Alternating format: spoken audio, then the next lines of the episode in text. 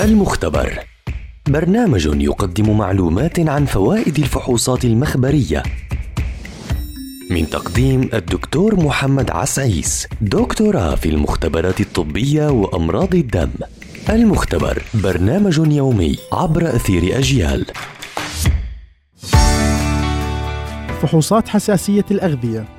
حساسية الطعام هي رد فعل مناعي أو تفاعل تحسسي لجهاز المناعة نتيجة تناول أطعمة معينة. تختلف حساسية الطعام من جسم لآخر باختلاف نوع الطعام المسبب للحساسية. كما تختلف أيضا كميات الطعام والتي بدورها قد تسبب تفاوتا في الأعراض.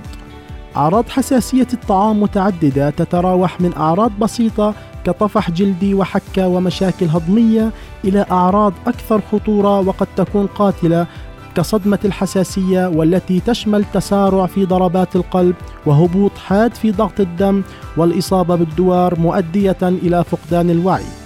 تؤثر حساسية الطعام في حوالي 8% من الأطفال ما دون سن الخامسة وتصل هذه النسبة إلى النصف آه، لدى البالغين أي 4%. من أهم الإجراءات والنصائح الخاصة بمرضى حساسية الغذاء هو اتباع نظام غذائي يسمى نظام الاستبعاد الغذائي وذلك بالامتناع عن بعض أنواع الأغذية المشتبهة بكونها سببا للحساسية.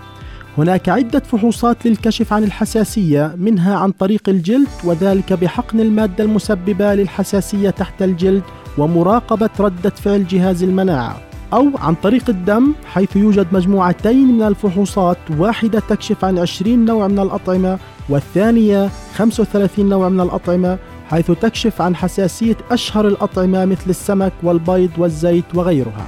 أيضا يوجد فحوصات جديدة عن طريق الدم تشمل 500 نوع من الأطعمة أو ما يقارب 1000 نوع من مسببات الحساسية أو عدم تحمل الجسم لها.